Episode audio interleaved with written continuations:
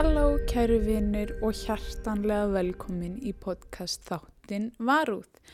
Ég heiti Birta Dögg Bersdóttir og ég mun eins og alltaf vera með ykkur í dag. Ég verð að segja ykkur svo litið.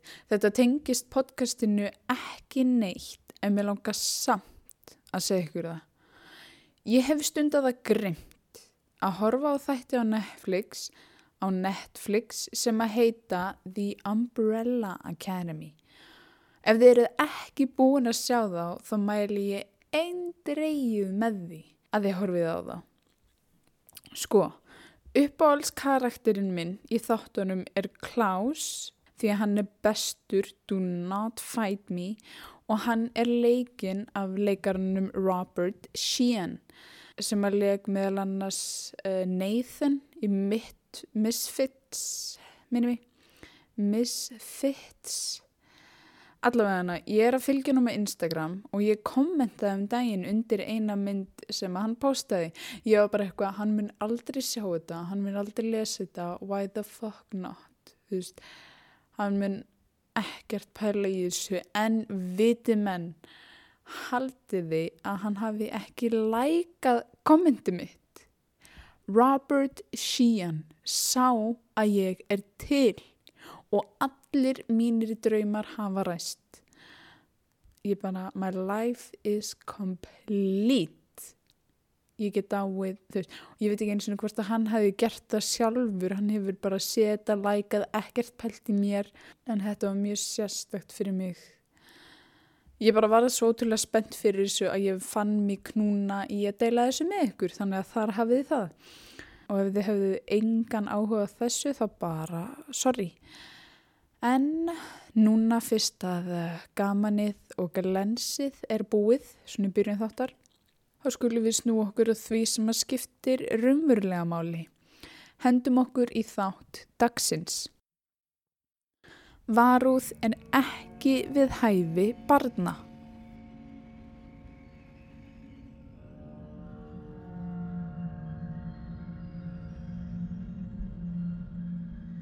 Við erum staðsett í Bradford í norður Englandi árið 2010. Það er gata sem að heitir Thornton Road. Í Thornton Road er svo kallað Red Light District eða raukt hverfi og í svona hverfum vinna konur kynlífstörf. Um hundra konur lappa um gödunar í leit af einhverjum viðskiptum.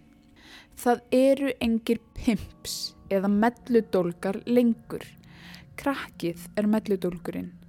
Allar konurnar eru hérna út af fíkninni sinni og það eru engar aðstæður of grófar og engir fánar of rauðir Konuna hérna vinna alla nóttina til þess að kaupa dópið sem að þær lifa á. Þetta segir ónemnd kona sem að vinnur í rauðakverfinu í Bradford. Allar framdeginnar er lungu farnar og hún er búin með síðasta skamtin sinn. Áður en hún veit af fyrir hún á neyðudúr sem að mun taka yfir líkamanninnar. Þó að lauruglan í vestur Yorkshire segir að Bradford sé ein af þeim borgum í Breitlandi sem er með hvað mest lauruglu eftirlit, þá eru konuna hérna einar og úr sjónmáli. Heimsku laugin gerði það að verkum að það er tæknilega séð ekki ólöglegt að selja kynlíð, það er bara ólöglegt að vinna í hóruhúsi, segir konan og það er rétt. Eftir að ný lög voru sett á kynlífsölu voru hundruðum hvenna hend úr vel lístum og frekar örugu húsunum beint á göduna. Þetta segir bara eitt. Þeir sem að vinna í þessum bransa eru einir á báti, bætir konan við. Þó að morðtíðinni í Breitlandi hafi mingað, það hefur aldrei verið hættulegt að vinna kynlífstörf og nú. Konur eru myrtar og öllum er sama. Þeir drepa af því að það er auðvelt. Fyrir sex vikum var ég bundin först og nöðgat af 50 ára júdokennara en það þýðir ekkert að fara með það til lauruglunar. Þetta er vennjulegt, segir konan að lokum. Þetta er ótrúlega hræðinlegt og sorglegt og það er einmitt í þessu stór hættulega umhverfi sem að sagan okkar gerist.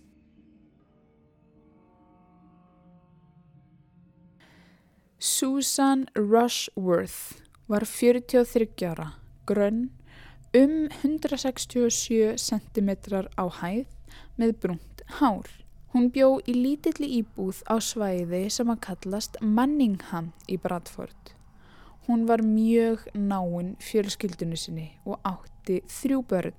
Þau James 24 ára, Kristi 21 ás og Aaron 9 ára.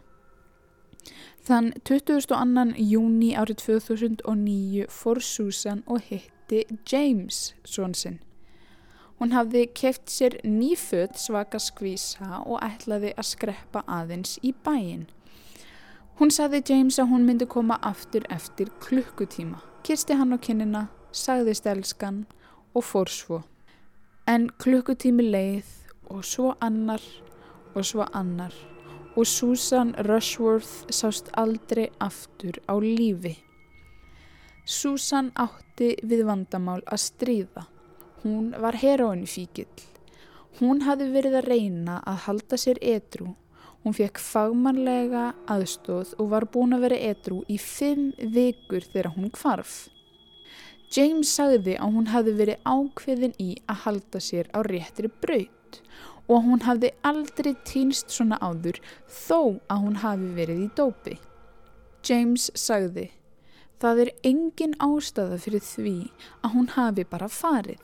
Hún var nýlega byrjuð að fá að hitta barnabörnin sín og var að byrja að kynnast þeim. Og eins og áður kom fram það var fjölskyldan mjög náinn og það var mjög mikilvægt fyrir Susan að hitta barnabörnin sín. Aðrir fjölskyldumæðlumir áttu mjög erfitt með þessa fréttir. Fjölskyldan reyndi að ringja í Susan en aldrei var svarað og setna komi ljós að síminn hafði ekki verið notaður síðan að hún kvarf. Það sem að meira var, var að Susan var flogaveik en lifinennar voru ennþá á sama stað heima hjá henni. Seks mánuðum eftir að Susan kvarf reyndi fjölskyldan aftur að fá ykverjar upplýsingar. Ég held að það hafi eitthvað komið fyrir mömmu af því að hún hafði alltaf samband við okkur og þetta er svo ólíkt henni. Hún hefði þurft lifin sín, sagði James í lögreglu yfirlýsingu sem að var byrt almenningi. Kristi, dóttirinnar, bætti við. Lögreglan er ekki að fara neitt. Þau munu leita þanga til að þau finna mömmu mína eða hvað kom fyrir hana. Ef þú veist eitthvað og heldur að þetta muni bara hverfa, þá mun það ekki gerast. Við munum halda áfram að leita að svörum. En þrátt fyrir mikla baróttu fjölskyldu Susan þá kom ekki mikið í ljós og var málið farið að kolna verulega. Þanga til að önnur kona kvarf. Shelley Armitage var 31 ás og bjó í íbúð í Allerton með kærastanum sínum Craig. Hún hefði verið nýbúin að kaupa sér kvolp sem að hún gætt ómögulega skili við í lengri tíma. Ó, hvað ég öfundana. Í alverðinu mér langar svo mikið kvolp en ég er í engum, ég er ekki nein, nein, nein aðstöðu til þess að sjá um kvolp en ég vil bara láta mig dreyma. En hún var nýbúin að kaupa sér kvolp, elskaði hann mjög mikið. Henni var líst sem sjálfs örugri og talaði um að vilja verða mótel. Hún fór úr íbúðinni sinni þann 27. april árið 2010 í kvítri prjónapreisu, prjónapreisu, prjónapeisu, prjónapeisu. Í kvítri prjónapeisu svörtum, þröngum, gallabugsum og kvítum sandulum með bláa tösku.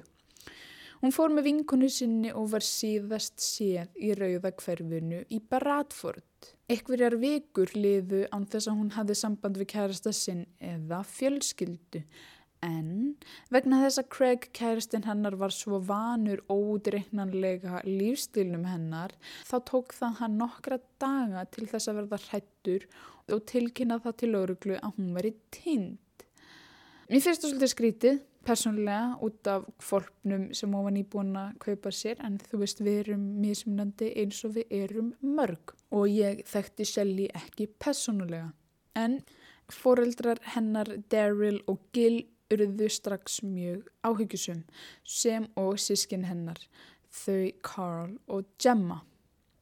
Shelley vann í rauðakverfinu til þess að fjármagna það sem að lögreglan kallaði áfengis og vímu efna vandamál sem að var satt.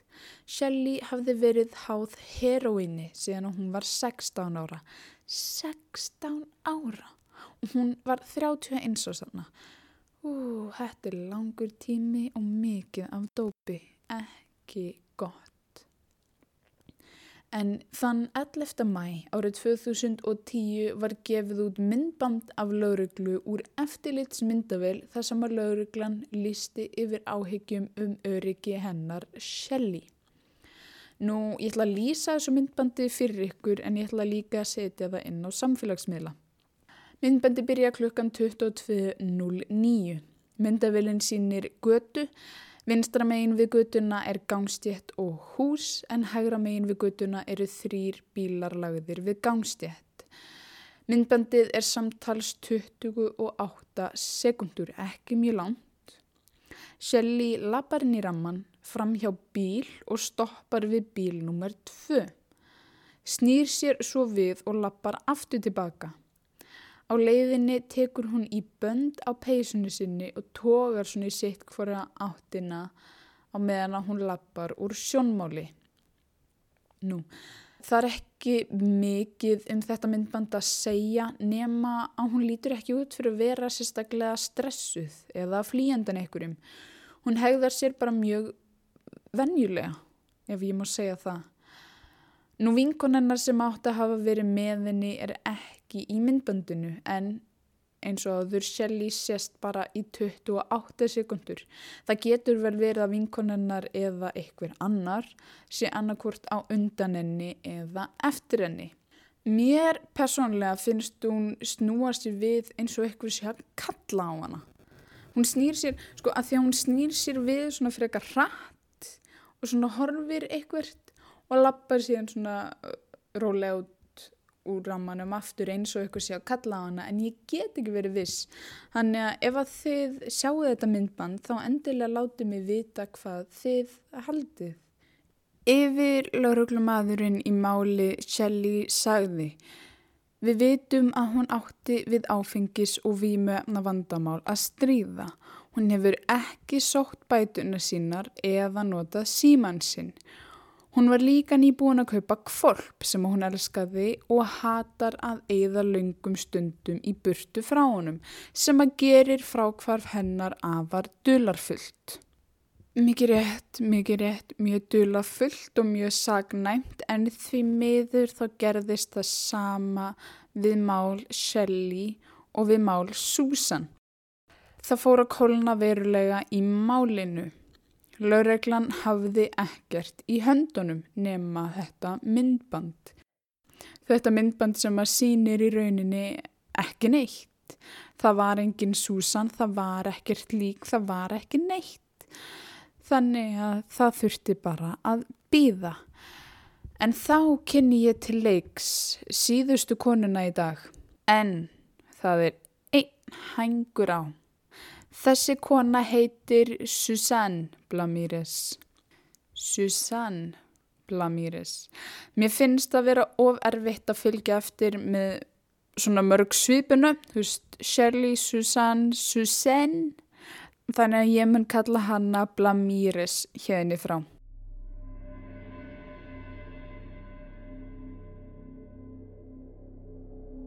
Susanne Blamires var stríðinn full sjálfströst, vinaleg og henni var einni líst sem klári og vitri konu.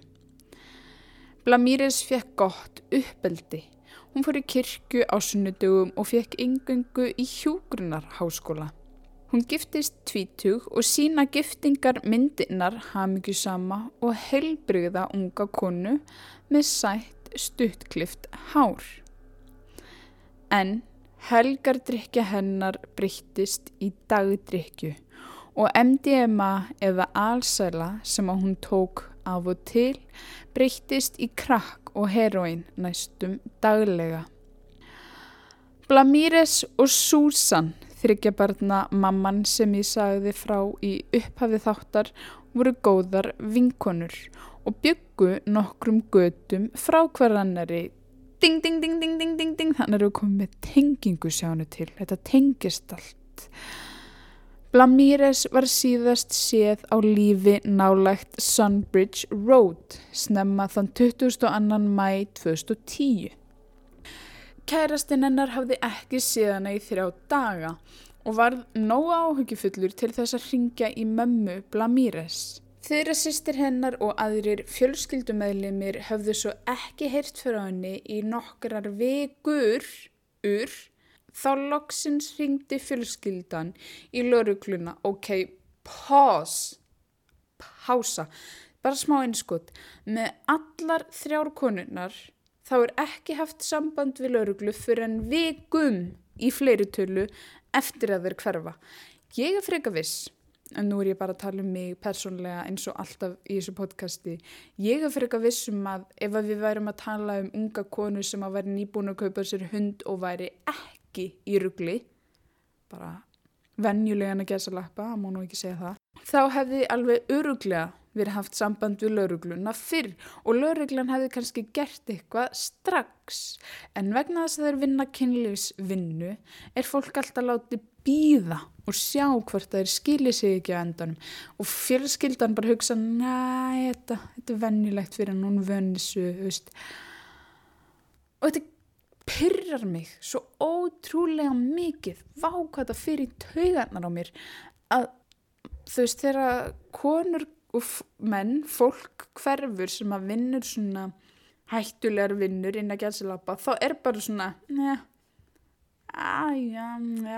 já, ha, ha, þetta hún skila sér maður, hún kemur öndanum, en það fyrir mína fínustu. En Blamíres var eiginlega heppin ef það svo má segja. Það má eiginlega alls ekki segja það en, en eins heppin og hún gæt verið. Öðruvísi en í máli Susan og Shelley þá voru í máli Blamires sterk sönnunagögn. Svo sterk að lauruglan vissi strax hver sökudólguru var. Til að byrja með þá var lauruglan á þessum tímapunkti fyrir ekkar viss um að um fjöldamorðingja væri að ræða. En það var samt ekki það sem að kom þeim á sporið.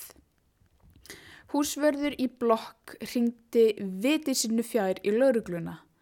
Hann hafði verið að fara yfir upptökurnar úr eftirlitsmyndavílanum þegar hann varð vittni af hræðinlegum atbyrði. Myndbandið síndi Blamíris lappa inn í íbúð með manni snemma á lögadaginn 22. mæ 2010. Þau fóru á þriðju hæð í íbúðu númer 33, mjög mikið að oh my god, ég er að fatta núna, það er lögadagurinn 22. mæ í íbúinu með 33, þetta er eitthvað annað creepy. Nokkrum mínutum senna kemur Blamíres hlaupandi út úr íbúðinni. Maðurinn eldir hana, næra yfirgnæfana og dregur hana tilbaka fyrir framann íbúðar dyrnar. Kemur henni ekki inn, þau eru bara fyrir utan. Þar tekur henni upp svo kallaðan crossbow eða lásboga. Hann setur yfir lásbúan og skýtur tvirs og sinnum af stuttu færi í höfuð Blamíres, bara þannig það sem hann stóð beint á ganginum og svo dregur hann Blamíres aftur inn í íbúðana. Nú maðurinn vissi af eftirlitsmyndavilinni og að árásinn hefði verið tekin upp á myndband en í staðin fyrir að reyna að losa sig við myndbandið eins og góðir morðingjar gera þá fór hann aftur út á gangin með lásbúan hátt á lofti og gaf puttan í myndavélina. Hann er bara, ei, halló, þetta var ég. Hann fokkar sér sett bara í myndavélina.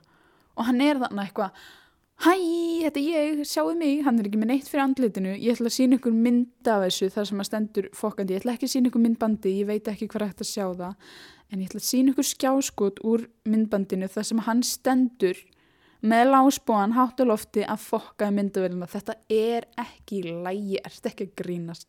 Svona til þess að enda þetta, þá sést hann aftur og aftur og aftur senna á myndavelinni þar sem hann kemur út úr íbúðinni með svarta ruslaboka og risastóra íþróttörsku. Þú veist, var hann að reyna?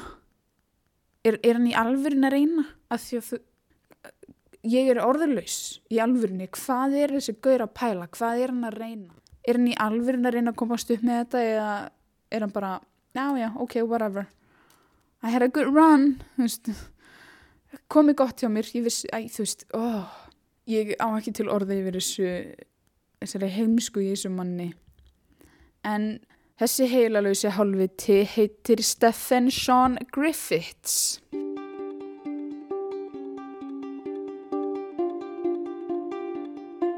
Stephen var fættur á aðfangadag þann 24. desember 1969 hann er jólabarn hann var elstur af þrem sískinum Pappi hans var Stephen Griffiths og mamma hans Moria Dewhurst. Það kom senna í ljós að Moria mammans var svo kallaður con artist eða eitthvað skonar svikarrappur held ég. Var allavega að svíkja fólk til að fá pening eða eitthvað skilst mér. Fóreldra hans skildu þegar Stephen var 13 og fekk Moria forræði yfir krökkunum þrátt fyrir að vera með glæp á sagaskrá. Steffen bjó í Wakefield með mömmu sinni og sískinum. Nákvæmni þeirra sagði að hann hefði verið frekar skrítið barn, ekki frekar mjög skrítið barn. Hann leik sér aldrei úti á daginn. Hann sást bara úti á nóttunni. Hann var oft með loftbissu að skjóta fuggla. Eftir að hafa drepið fugglana krufði hann þá. Mm. Þau leiti allt út fyrir að hann nöyð þess sem hann var að gera. Hann krufði ekki fugglana snirtilega, hann reif þá í sundur. Þetta segir þessi sami nágranni. Í skóla var hann frekar þögull og hlédragur. Hann hafði áhuga á bardagaíþróttum, fantasíu bókum og hlutverkalegjum sem að inni heldu drega og aðrar svipaðar góðsagnakendar verur. Þó að Steffen hafi verið grannur og lítill sem ungur strákur þá fór hann alltaf í hlutverk vöðvastæltra karla í hlutverkabókunum og leikjónum. Þessir karakterar unnu alltaf og drápu allt og alla. Gamal samnumandi minnist þess að Steffen hafi komið með hníf og einhvers konar ninja stjörnur í skólan. Steffen hætti svo endanlega í skóla 16 ára gamal.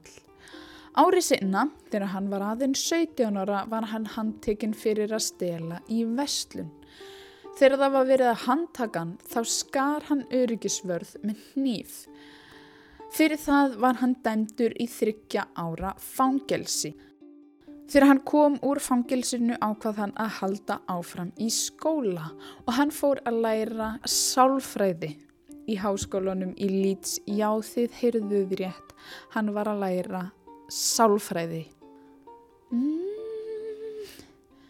Árið 2000 kynntist hann konu að nafni Kathy Hancock. Í viðtali við Mirror sagði hún að fyrst hefði hún notið þess að vera með Steffen. En það tók ekki nema tvær vikur fyrir Steffen að byrja að kúa hana. Hann byrjaði á því að reyðast vegna þess að hundanir hennar komi í veg fyrir að Kathy flutti inn til hans. Nú hún átti tvo hundar sem hún vildi ekki skilja við og það var ástæðan fyrir þess að hún vildi ekki flytja inn til hans. Nú, Steffen tók upp á því ráði að dópa hana upp. Hlæja svo og segja, það má ekki blanda þessum pillum saman og svo neytaði hann að ringja á sjúkrabíl þannig að Kathy þurfti að keira sjálf á sjúkrahúsið. Þegar hún kom svo heim aftur þá var búið að brjótast inn til hennar. Ekkert hafði verið tekið nema hundanir. Nágræni hennar sagði að það hefði verið Steffen sem að kom en hundanir sáist aldrei aftur. Þetta var bara byrjunin á ofbeldinu og heila þóttinum.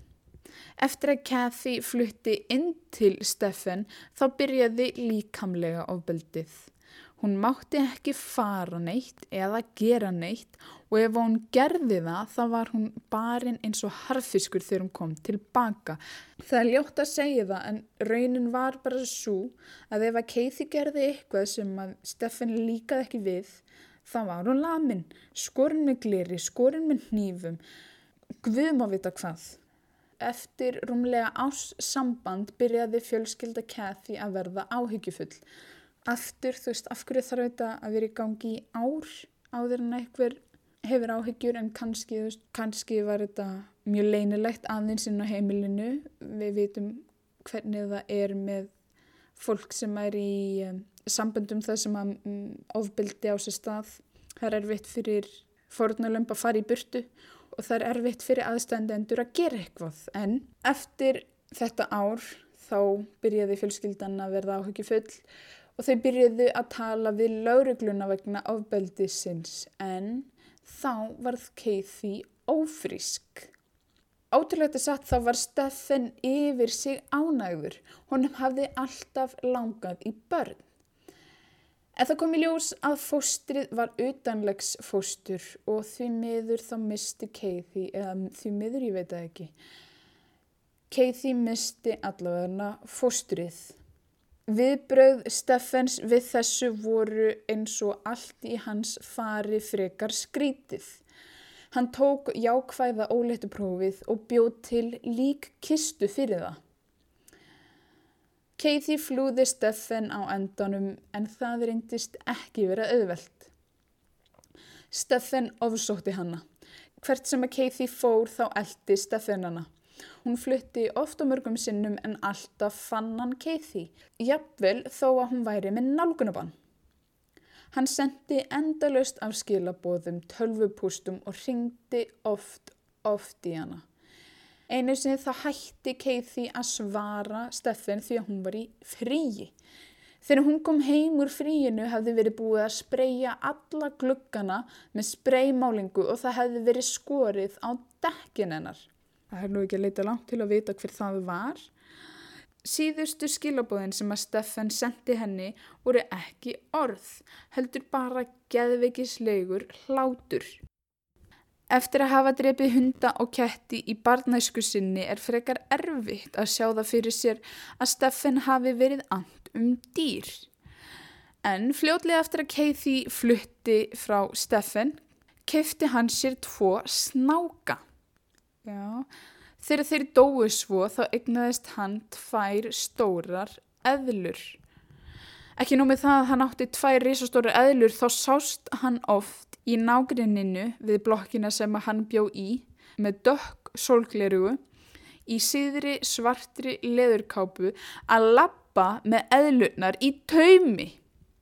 Það gerist ekki mikið skrínara en það ég veit ekki, þarf, þarf maður að fara út að lappa með eðluna sínar?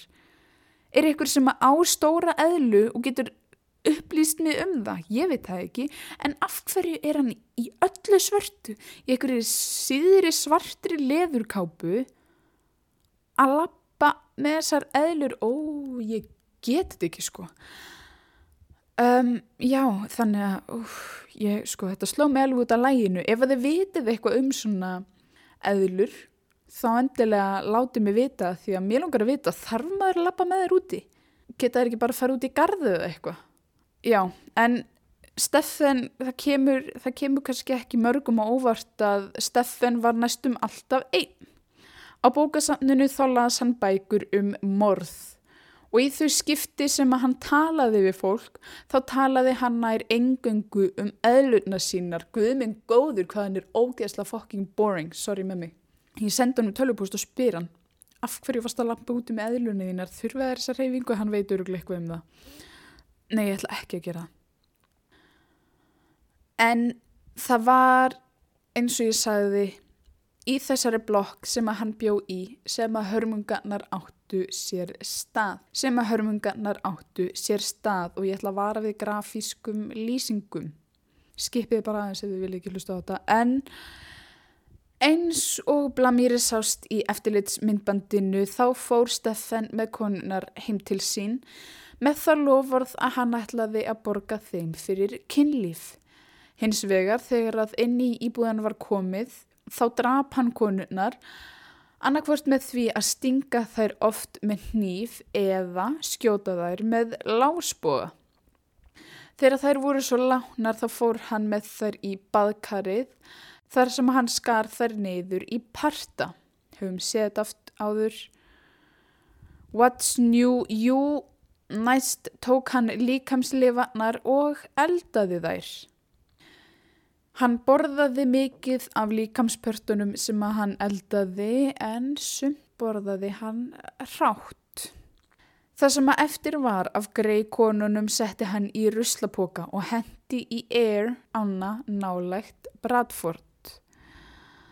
Líkamsleifar fundust í ánni þann 25. mæ 2010, fjórum dögum eftir að Blamíres kvarf. Líkamsleifannar sem að fundust voru axlir, hryggjarliðir og húðvefir taldir vera af Susan Blamires. Einnig fundust húðvefir sem að voru taldir vera úr Shelley Armitage. Lík Susan Rushworth fannst aldrei. Eins og ég sagði á þann þátti lauruglan ekki erfitt með að finna morðingja Blamires en það fundust einnig myndbönd af nakinni konu í tölvu Steffen. Konan lág í baðkarinu þar sem að orðin My Sex Slave eða kynlífsþrællin minn höfðu verið skrifuð á bak hennar með spreymálingu.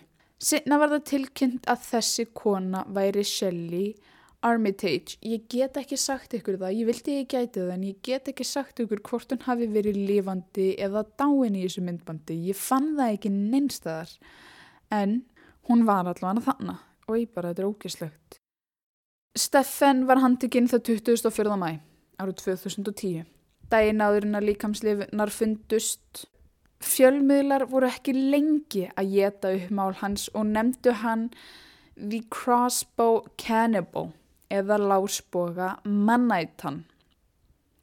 Eftir að hafa verið handtikinn sagði hann við lauruglu Ég hef drepið meira en Susan Blamires.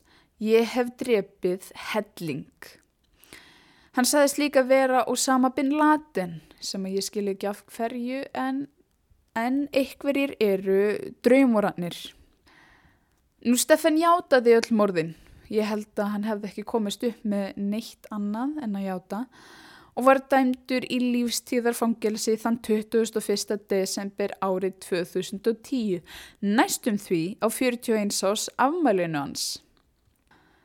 Þessi tíu ár sem að Steffen hefur setið í fangilsi hingað til hefur hann reynt að fremja sjálfsmorð að minnstakosti fjórum sinnum og hann fór einnig í tveggja mánada hungurverkfall en ég gati ekki fundið af hverju. Ég held að þessi gaur þurfi bara svo mikla aðtikli og þú veist að vera að gera eitthvað að þetta hafi bara verið fyrir aðtikli þetta hungurverkfall. Guðum að vita hvað en... Það sem ég fjekk út úr þessari sögu er að Steffen er, var og verður snar geggjaður maður. Ég veldi því fyrir mér að ef að morðið á Blamíres hefði ekki náðust að myndband má Guð vita hversu marga aðra hann hefði myrt. Ég persónulega held það statu stöðugt að Steffen hefði haldið áfram að drepa ef hann hefði ekki náðust sem betur fyrir hann hálfviti og fór bara út að gám kanna eitthvað með lásbúa þannig að hann náðist því miður þrem konum of seint. Keithi fyrirverandi hann sagði hann draf af því að það var auðvelt og því miður er það satt. Það er ekki vita fyrir víst en það er talið að frá árunum 2000 til 2010 þegar sagan okkar gerist hafi á milli 60 til 140 konur sem að stunda kynlífsvinnu fundist lánar en aðeins um fjórðungur dauðana hefur verið leistur. Þetta er sorglega raunin sem á sér stað enn í dag. Morð á konum sem að vinna kynlífsvinnu fá yfirleitt miklu minni rannsókn og aðtökli en á öðrum konum. Þess vegna ætla ég að enda þáttin í dag með því að minnast Susan Rushworth, Shelley Armigate og Susan Blamirus. Konur sem að leittust út á vittlusu brautina í lífinu og þurftu að gjalda grimt fyrir það. Því miður. En uh, þannig endar málið okkur í dag. En svona aðeins til þess að létt okkur lundina hérna í enda þáttar, svona aðeins í endan, þá ætla ég að koma með eina podcast upp á stúku. Ég var að byrja að hlusta á draugar fortíðar og ég veit ekki af hverju ég var ekki búin að hlusta á þetta fyrr. Það eru ótrúlega góði þættir þar sem að Flósi og Baldur ræða um alls konar hluti, bæði sangamál og aðra sögulega hluti, þannig að allir ættu að finna eitthvað fyrir sig. Mér slikur svolítið skemmtilegt að sjá fleiri og fleiri stráka og kallmenn byrja með podcast sem að fjallum svona myrkraverk og hræðilega hluti og þú veist fyrst þá var þetta alltaf bara konur en núna er komið svona meiri fjölubreytileiki og skemmtilegra og Svo er hann flosi líka bara með svo fallega rödd. Hún er rosalega svona djúb og, og seiðandi og ég veit ekki, það er bara eitthvað við hann að sem er mjög svona róandi, get ég sagt. Ég held að hann sé einari eldri en pappi minn en það bara aukaðri. Hann er samt með mjög fallega rödd. Berð, þú veist, já, það er svona skemmtilegt að fá aðeins heyra aðra rattir, uppgöta önnur podcast og svona pröfu eitthvað nýtt. En uh, það er svona um það byrj allt það sem ég hef að segja í dag. Endilega fylgið mér þar sem þið eruð að hlusta ef að þið hafið áhuga á því. Endilega gefið mér review á Apple Podcasts og bla bla bla bla bla, allt þetta þið vitið alveg hvernig þetta virkar. Bara þú veist ef þið viljið þá bara fylgið mér á Instagram og við erum með Facebook-grúpu og ég er með e-mail og já já. Þetta er komið gott. Þanga til næsta miðgudag þá ætla ég að segja knús í hús Bye. Ú, ég ger þetta djúft eins og flessi. Bye. oh my god. Bye.